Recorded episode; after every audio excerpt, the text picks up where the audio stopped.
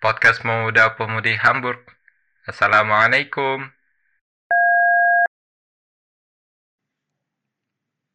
Ketika masjid hampir selesai dibangun, Nabi meminta untuk dibuatkan dua bilik kecil yang menempel di dinding sebelah timur. Satu untuk tempat tinggal Saudah dan satunya lagi untuk Aisyah. Bangunan itu seluruhnya diselesaikan selama tujuh bulan, dan selama itu Nabi tinggal bersama Abu Ayyub. Saat rumah Saudah hampir rampung, beliau mengutus Zaid untuk Saudah ke Madinah bersama Ummu Kulsum dan Fatimah.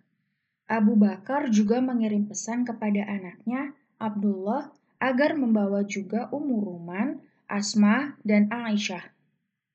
Pada saat yang sama, Zaid juga membawa istrinya, Ummu Aiman, dan anak laki-lakinya, Usama.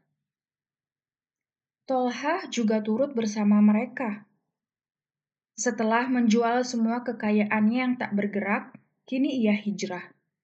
Tak lama setelah kedatangan rombongan tersebut, Abu Bakar menikahkan Asma dengan Zubair yang selama beberapa bulan terakhir telah tinggal di Madinah bersama ibunya Sofia. Saudara perempuan Abu Bakar, Quraibah, tetap tinggal di Mekah untuk merawat ayah mereka, Abu Quhafah yang telah tua dan buta. Tak seperti Quraibah, ayahnya belum masuk Islam. Nabi memutuskan bahwa Zaid dapat mengambil istri kedua di samping Ummu Aiman yang usianya sebaya dengannya. Beliau meminta sepupunya, Abdullah bin Jahsi, untuk meminang saudara perempuannya yang cantik, Zainab. Awalnya Zainab menolak. Ia mempunyai alasan untuk itu. Alasan yang ia kemukakan bahwa dirinya adalah wanita Quraisy, kurang bisa diterima. Ibunya, Umaymah, adalah keturunan asli Quraisy, menikah dengan seorang lelaki Bani Asad dan sangat berbeda dengan Zaid yang diadopsi ke dalam suku Quraisy. Sementara orang tua kandungnya berasal dari Bani Kalb dan Bani Toy yang derajatnya lebih rendah dari Bani Asad. Namun, ketika Zainab tahu bahwa Nabi sangat berharap agar ia mau menikah dengan Zaid, ia bersedia dan pernikahannya pun dilaksanakan. Pada saat yang sama, saudara perempuannya, Hamnah, dinikahkan dengan Mus'ab. Tak lama setelah itu, Umaymah datang ke Madinah dan mengucapkan syahadat kepada Nabi. Nabi dan putri-putrinya kini tinggal bersama Saudah di rumah barunya. Setelah kurang lebih satu bulan berlalu, diputuskan bahwa perkawinan beliau dengan Aisyah akan dilangsungkan. Saat itu, Aisyah berusia 9 tahun putri yang sangat cantik, melebihi kedua orang tuanya yang rupawan. Kaum Quraisy menyebut ayahnya Aktik yang berarti rupawan. Tentang ibunya, Nabi pernah berkata, Siapa yang ingin tahu wajah bidadari surga, lihatlah umur Ruman. Kepada Aisyah, Nabi sudah sangat dekat dan sayang, dan anak itu sudah terbiasa melihat Nabi setiap hari, kecuali bulan-bulan terakhir setelah Nabi dan ayahnya hijrah ke Madinah, sementara ia dan ibunya masih tinggal di Mekah. Sejak masih sangat kecil, ia telah melihat ayah dan ibunya bersikap begitu mencintai dan jauh lebih menghormati Nabi daripada orang lain. Meskipun mereka tidak menerangkan sebabnya, namun Aisyah sudah mengerti dengan baik bahwa laki-laki itu adalah Rasulullah karena ia bisa berbicara dengan malaikat Jibril. Dan ia sangat istimewa dibandingkan semua laki-laki yang pernah ada, karena ia pernah naik ke langit dan turun lagi ke bumi dalam peristiwa Isra Mi'raj. Beliau sering menceritakan peristiwa itu dan menggambarkan kesenangan dan kebahagiaan surga. Dengan mukjizat yang dimilikinya, cerita tentang kenikmatan surgawi itu tampak begitu nyata. Ketika orang lain dikuasai suasana panas, tangannya akan mendinginkan, lebih dingin dari salju dan lebih harum dari minyak kasturi. Lagi pula, ia tampak awet muda, seolah-olah akan hidup abadi. Kedua matanya tetap tajam, hitam rambut dan janggutnya masih mengkilap, dan tubuhnya selalu tegap seperti tubuh pemuda yang usianya setengah dari usia yang sebenarnya. Padahal saat itu beliau telah menginjak usia ke-53 terhitung sejak tahun gajah. Persiapan-persiapan kecil untuk resepsi pernikahan belum cukup, karena Aisyah tampaknya belum memahami peristiwa besar dan agung dalam hidupnya. Pada waktu ia harus meninggalkan rumahnya menuju tempat perhelatan, ia menyelinap keluar menuju lapangan untuk bermain dengan teman-temannya. Aisyah bercerita, Aku sedang bermain petak umpat dengan rambut panjangku yang lepas terurai ketika mereka memanggilku pulang dan kemudian mendandaniku. Abu Bakar telah membeli baju bergaris-garis merah yang sangat indah dari Bahrain. Baju itulah yang dikenakan Aisyah sebagai baju pengantin. Kemudian, ia diantar ibunya ke rumah baru di mana para wanita Ansor telah menunggu di depan pintu. Mereka menyambutnya dengan mengucapkan, "Selamat berbahagia, semoga semua selalu baik-baik saja." Lalu ia diantar ke Rasulullah. Beliau berdiri sambil tersenyum melihat mereka menyisir rambut Aisyah. Berbeda dengan pernikahan-pernikahan beliau sebelumnya, kali ini tak disediakan hidangan karena memang dilaksanakan sesederhana mungkin. Hanya semangkuk susu yang dipersiapkan. Nabi meminumnya dan kemudian diberikan kepada Aisyah. Pada mulanya, Aisyah dengan malu-malu menolak, namun setelah didesak Nabi, Akhirnya ia meminumnya juga. Kemudian, mangkuk susu itu diberikan kepada kakak perempuannya, Asma, yang menemani dan berdiri di sebelahnya. Asma kemudian meminumnya seteguk, lalu diberikan kepada hadirin yang lain. Demikian seterusnya hingga mereka semua meminum susu dari mangkuk yang sama. Mereka kemudian pulang ke rumah masing-masing tinggal sang pengantin pria dan wanita di rumah barunya itu. Selama tiga tahun terakhir, hampir tiada hari tanpa kedatangan teman-teman Aisyah untuk mengajak bermain di halaman yang berdampingan dengan rumah orang tuanya. Kepindahan Aisyah ke rumah Nabi tidak mengubah kebiasaannya.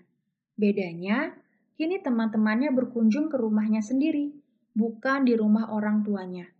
Banyak teman baru yang ia kenal sejak hijrah ke Madinah, juga beberapa teman lain yang orang tuanya sama-sama hijrah dari Mekah ke Madinah. Suatu ketika, cerita Aisyah, aku sedang bermain boneka-bonekaan dengan teman-teman perempuanku.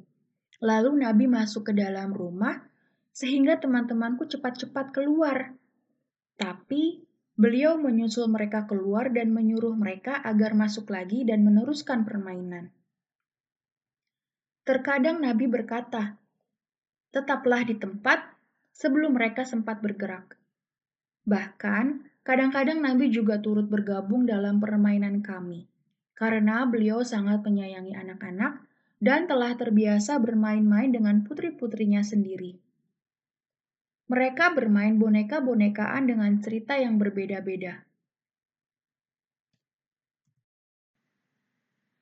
Suatu kali, cerita Aisyah lagi, Nabi masuk ke dalam rumah saat aku sedang bermain, dan kemudian beliau bertanya, Wahai Aisyah, permainan apa kali ini? Aku menjawab, kuda-kudaan Sulaiman. Dan Nabi pun tertawa geli. Tapi kadang-kadang Nabi menutup diri dengan jubahnya, yang berarti beliau sedang tidak bisa diganggu. Aisyah juga memiliki sisi kehidupan yang serius.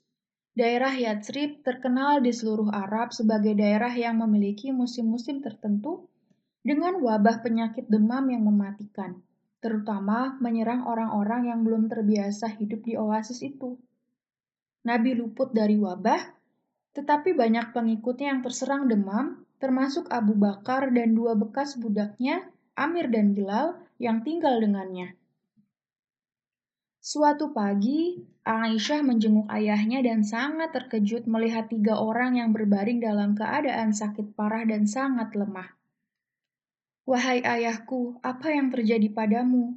Tanyanya. Ayahnya terlalu lemah dan parah untuk menjelaskan penyakitnya kepada anaknya yang berusia sembilan tahun itu. Maka ia menjawabnya dengan dua baris puisi. Setiap pagi, semua orang mendapat ucapan selamat dari seluruh keluarganya, sementara kematian lebih dekat kepadanya ketimbang tali sepatunya sendiri. Aisyah mengira ayahnya tidak mengerti apa yang ia tanyakan, sehingga ia mendekati Amir. Amir juga menjawab dengan kalimat-kalimat pendek, menyiratkan bahwa meski belum meninggal, ia merasa sudah sangat dekat kepada kematian dan ingin tahu bagaimana rasanya. Sedangkan Bilal hampir sembuh, namun badannya masih sangat lemah untuk melakukan sesuatu. Ia berbaring di depan rumah dan mendendangkan sebuah lagu. Duhai, bisakah aku tidur lagi malam ini? Di tengah tetumbuhan harum yang tumbuh di Mekah, dan dapatkah aku meminum lagi air dari Majennah dan menyaksikan Syamah dan Tofil? Aisyah kembali ke rumah dengan sangat cemas. Mereka mengigo di luar kesadaran mereka karena mereka menderita demam panas tinggi, kata Aisyah. Nabi agak tenang ketika mendengar kata-kata yang ditirukan dengan lengkap oleh Aisyah dan kagum dengan daya ingatnya, meskipun ia belum memahami benar kata-kata yang ditirukan itu. Maka Nabi memohon kepada Allah, "Ya Allah, jadikanlah Madinah ini menjadi sebuah tempat yang nyaman bagi kami, sebagaimana telah Kau ciptakan Mekah bagi kami sebelum ini." Dan Karuniailah kami air dan biji-bijian yang tumbuh di dalamnya, dan jauhkanlah wabah penyakitnya sejauh mahya'ah. Dan Allah mengabulkan doanya.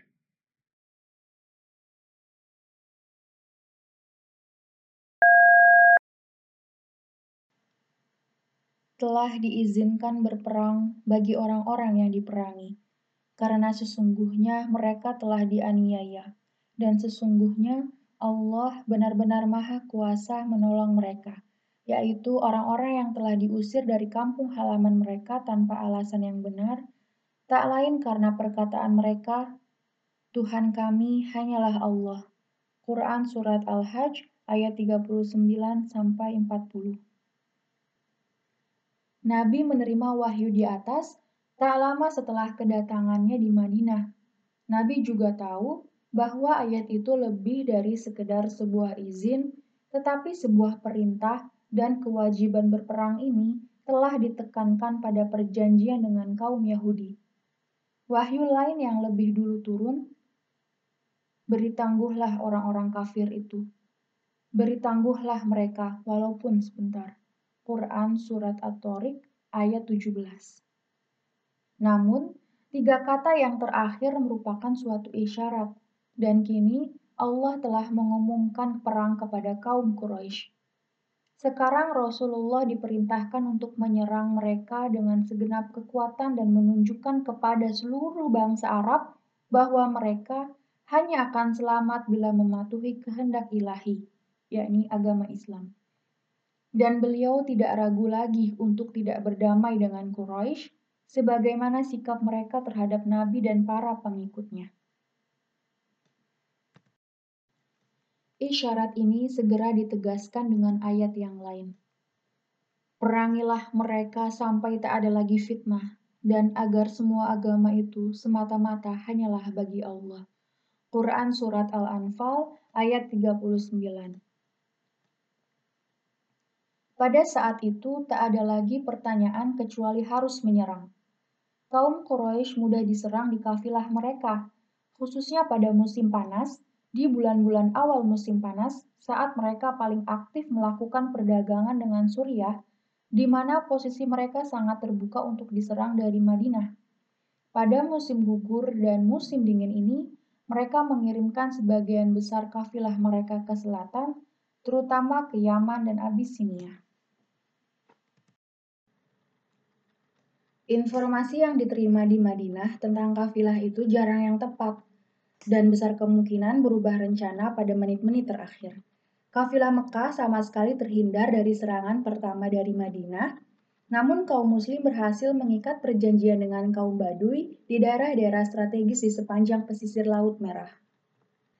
Ketika Nabi sendiri berangkat, beliau menunjuk salah seorang sahabatnya untuk menggantikan posisi beliau selama tidak ada di Madinah dan orang pertama yang mendapat kehormatan itu adalah kepala suku Khazraj, Sa'ad bin Ubadah. Hal itu berlangsung selama 11 bulan setelah hijrah, sampai Nabi kemudian tidak turut dalam berbagai ekspedisi. Setiap kali tidak ikut ekspedisi, beliau akan menyerahkan bendera yang diikat di ujung sebatang tombak kepada panglimanya. Pada tahun pertama, Nabi hanya mengirimkan pasukan dari kaum muhajirin. Namun, pada bulan September 623 Masehi, terdengar kabar bahwa sebuah kafilah Mekah yang kaya raya akan kembali dari utara di bawah pimpinan Umayyah, kepala suku Jumah beserta 100 pasukan. Umayyah selalu menjadi musuh utama Islam. Sementara alasan lain untuk menyerang mereka adalah harta rampasan itu sendiri. Barang dagangan yang mereka bawa itu diceritakan dimuat oleh 2.500 unta. Jumlah kaum muhajirin yang ada di Madinah tidak mencapai 100 orang, tidak sepadan dengan pasukan Quraisy itu. Maka Nabi mengirimkan 200 pasukan, separuh lebih berasal dari kaum Ansor. Sekali lagi, berita itu kurang memadai dan ternyata kurang tepat. Tiga bulan setelah itu, mereka juga luput. Kafilah yang sangat kaya dengan pengawalan yang kurang besar dibandingkan kafilah sebelumnya dikabarkan lewat, dipimpin oleh Abu Sufyan menuju Suriah. Kabar itu datang terlambat. Setelah Nabi beserta pengikutnya mencapai Musyairah di lembah Yanbu, jalan terbuka menuju Laut Merah di sebelah barat daya Madinah. Kafilah yang dimaksud telah lewat. Tetapi Abu Sufyan pasti akan segera kembali dari Suriah, mungkin dengan muatan yang lebih banyak, dan dengan izin Allah, mereka tak akan gagal mencegat kafilah tersebut. Meskipun sejauh itu belum terjadi pertempuran, Quraisy selalu waspada terhadap bahaya musuh yang tak bisa dimungkiri ada di Yatsrib. Namun, rupanya hal ini tidak berpengaruh terhadap perdagangan mereka di jalur selatan itu. Mereka segera dikecewakan karena Nabi menerima kabar bahwa satu kafilah sedang dalam perjalanan dari Yaman dan ia mengutus keponakannya Abdullah bin Jahsi bersama delapan orang muhajirin untuk menunggu mereka di Nahlah antara Taif dan Mekah. Saat itu bulan Rajab, salah satu bulan suci, dan Nabi tidak menyuruh mereka menyerang kafilah itu, tetapi hanya menghimpun informasi dan melaporkan hasilnya kepadanya. Tak pelak lagi, Nabi berpesan agar mereka hanya mengamati kekuatan penjagaan mereka untuk mempersiapkan perlawanan terhadap mereka nanti. Begitu kaum muhajirin mencapai tujuan dan mendirikan kemah di sana, satu kafilah kecil Quraisy melewati mereka dan segera mendirikan kemah tak jauh dari posisi mereka, dan tidak sadar akan kehadiran mereka itu. Unta-unta ditambatkan dengan muatan yang penuh dengan anggur, kulit, dan barang dagangan yang lain. Abdullah dan teman-temannya berada dalam dilema. Nabi hanya menyuruh mereka mengumpulkan informasi, tetapi beliau tidak melarang mereka bertempur, tidak pula menyebut mereka berada di bulan suci. Mereka bimbang, masihkah konvensi-konvensi sebelum Islam berlaku? Mereka juga teringat firman Allah diizinkan berperang bagi orang-orang yang diperangi, karena sesungguhnya mereka telah dianiaya, yaitu orang-orang yang telah diusir dari kampung halaman mereka tanpa alasan yang benar. Quran Surat Al-Hajj ayat 39 Mereka sedang berada dalam kondisi perang dengan kaum Quraisy dan mereka setidaknya mengenal dua orang di antara anggota rombongan yang baru datang itu – adalah laki-laki dari Makhzum, suku yang paling kejam terhadap Islam di antara suku-suku lain di Mekah. Dan kini adalah pagi terakhir bulan Rajab. Jika matahari terbenam, mereka akan memasuki bulan Sya'ban yang bukan lagi termasuk bulan suci. Namun, kendati pun tidak lagi dilindungi oleh kalender atau bulan suci, tapi musuh mereka juga akan dilindungi oleh jarak. Mereka hampir mencapai tanah suci. Setelah melampaui keraguan-raguan yang sangat, mereka akhirnya menyerang kafilah itu. Anak panah pertama menewaskan seorang laki-laki dari Kindah, sekutu Banyak Abdul al-Syams. Kemudian Usman, laki-laki dari Makhzum, dan Hakam, seorang budak, menyerah dan ditawan. Sedangkan Naufal, saudara laki-laki Usman, melarikan diri ke Mekah. Abdullah kembali ke Madinah bersama tawanan dan seluruh unta yang dipenuhi muatan barang dagangan. Ia menyerahkan seperlima bagian untuk Nabi dan sisanya untuk teman-teman dan dirinya sendiri. Tapi Nabi menolak dan tidak mau menerimanya sedikit pun. Beliau berkata, "Aku tidak menyuruhmu berperang di bulan suci." Mereka sadar bahwa siapa yang melakukannya mesti dihukum. Mereka dipersalahkan oleh saudara-saudara mereka di Madinah karena melanggar kesucian bulan Rajab. Sedangkan kaum Yahudi menganggap hal itu sebagai pertanda buruk bagi Nabi kaum Quraisy segera menyebarluaskan kabar bahwa Muhammad telah melanggar kesucian. Maka turunlah firman Allah, mereka bertanya kepadamu tentang berperang pada bulan haram. Katakanlah, berperang di dalam bulan haram itu adalah dosa besar, tetapi menghalangi manusia dari jalan Allah, kafir kepada Allah, menghalangi masuk Masjidil Haram, dan mengusir penduduknya dari sekitarnya lebih besar dosanya di sisi Allah. Dan berbuat fitnah adalah lebih besar dosanya daripada membunuh. Quran Surat Al-Baqarah ayat 217 Nabi menafsirkan bahwa ayat ini menegaskan larangan tradisional berperang di bulan suci, tetapi mengecualikan kasus khusus ini. Maka, Nabi membebaskan Abdullah dan teman-temannya dari rasa takut yang membebani mereka dan beliau berkenan menerima seperlima bagian harta rampasan untuk kemaslahatan umat. Suku Makhzum mengirimkan tebusan untuk dua orang tawanan dari suku mereka, tetapi Hakam, sang budak, memilih untuk masuk Islam. Maka Usman pulang sendirian ke kaumnya. Pada bulan Syakban yang sama, turun juga ayat tentang kewajiban menjalankan ibadah terpenting, Kata-kata pembukaannya merujuk pada keinginan kuat Nabi untuk menghadap ke arah kanan pada saat sholat.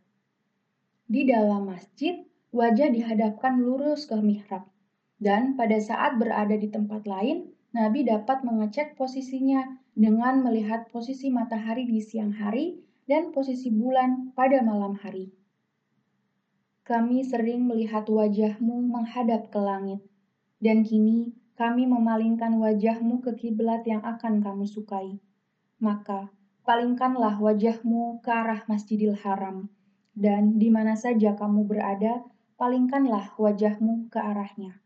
Quran Surat Al-Baqarah ayat 144 Mihrab adalah sebuah sudut yang dibuat di sebelah selatan dinding masjid menghadap ke arah Mekah dan perubahan arah ini disambut gembira oleh Nabi dan para sahabatnya. Sejak itulah, Ka'bah menjadi kiblat kaum muslim saat mendirikan sholat dan juga ibadah-ibadah lainnya.